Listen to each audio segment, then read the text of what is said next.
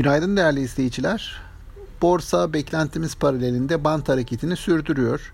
1400 puan altında kalmaya devam ediyoruz. Bunun üzerine çıkmakta güçlük çekiyor. Burada tabii ki banka hisselerine gelen yabancı satışlarının da etkisi büyük. Yabancı satışlarının devam ettiğini gözlemliyoruz piyasada. Ee, diğer taraftan dün hisse bazlı hareketlerde e, bir önceki günün aksi bir görünüm vardı. E, hatırlayacaksınız e, önceki gün bu Kanal İstanbul projesiyle ilgili olarak buradaki beklentilerle ilgili olarak çimento ve gayrimenkul yatırım ortaklığı hisselerinde alımlar olmuştu. Ancak buradaki risk iştahı uzun sürmedi. Dün e, bu hisselerde e, kar satışları vardı. Buna karşılık otomotiv sektörü hisselerinde ve demir çelik hisselerinde dün alıcılı bir seyir izledik ki endeksi e, destekleyen hisselerde e, bu sektörlerden geldi. Yurt dışı tarafa baktığımızda yurt dışı tarafta çok kuvvetli bir alım yönünde bir risk iştahı yok. Genelde orada da endeksler e, yukarı yönünü korumakla birlikte e, günlük hareketlerle, hisse değişimleriyle hareket ediyorlar. Orada da bant hareketine benzer bir görüntü ortaya çıkmış durumda. Dün ABD hisselerinde e, daha öncesinde satış gelen bankaların bir miktar toparladığını gözlemledik. Yine banka hisselerinin desteğiyle ABD endeksleri e, hafif eksilerde kapattılar. Avrupa tarafında da hafif artılar e, vardı. Önümüzdeki günlere ve bugünkü beklentilere dönecek olursak bugün makro bazlı haber akışında e, cari denge rakamları piyasa tarafından izlenecek. Şubat ayı verileri gelecek bugün.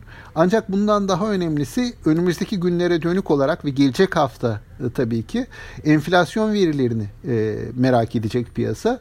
Enflasyon verisinin ardından da Nisan ayı içerisindeki Merkez Bankası para politikası kurul toplantısı e, yakından izlenecek. Bunun öncesinde e, piyasalarda risk priminin oldukça yüksek olduğunu söyleyebilirim. Tahvil faizi, e, uzun vadeli 10 yıllık tahvil faizi dün %19 seviyesinin üzerine çıktı. Şu an itibariyle 19.2 olarak görüyorum.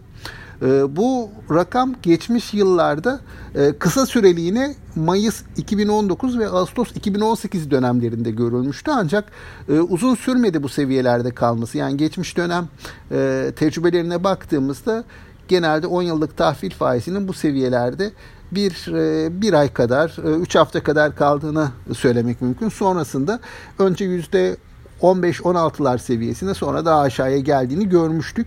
Bakalım bu kez e, bu seviyelerde kalıcı mı olacak yoksa tekrar aşağıya mı gelecek?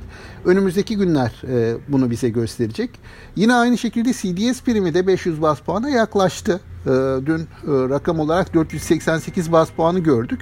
Yine CDS priminde de e, Kasım 2020'den önceki dönemde hatırlayacak olursak 500 bas puan üzerinde hatta 600 bas puan civarında rakamlar görmüş idik. E, yine CDS priminin de oldukça yüksek seviyelerde olduğunu belirtmem gerekiyor. Biz piyasanın hani bu özellikle makro takvim, enflasyon beklentileri gibi konularda bir miktar ikna olana kadar enflasyondaki gerileme eğilimi piyasada güçlenene kadar ya da bu anlamdaki e, izlenimler artana kadar baskı altında kalmaya devam edebileceğini düşünüyoruz. Bu süreç içerisinde e, hisse bazlı hareketler olacaktır. Endeks tarafında güçlü yukarı yönlü hareketler beklemiyoruz.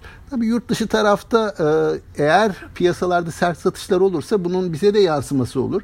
Ancak yurt dışı taraf bant hareketini korursa bizim tarafta da hisse değişimleriyle bu bant hareketinin korunacağını tahmin ediyoruz. Burada öne çıkan sektörler arada sırada da hatırlattığımız gibi genelde döviz kazanan hisseler olur ya da günlük e, haber bültenlerinde takip ettiğimiz şekliyle e, bir yatırımı olan, bir hikayesi olan şirketler dönem dönem ön plana çıkabilir. Ancak endeks bazında genele yayılan bir alım dalgasını görmek şu aşamada e, bir hayli güç görünüyor. Dolayısıyla bugün itibarıyla da endeksin yatay bir açılış yapmasını, bu bant hareketinin korunmasını bekliyoruz. E, benim bugünlük seans öncesi aktaracaklarım bunlar. Tüm izleyicilere sağlıklı, bol bereketli kazançlı günler diliyorum. Yeniden görüşmek dileğiyle.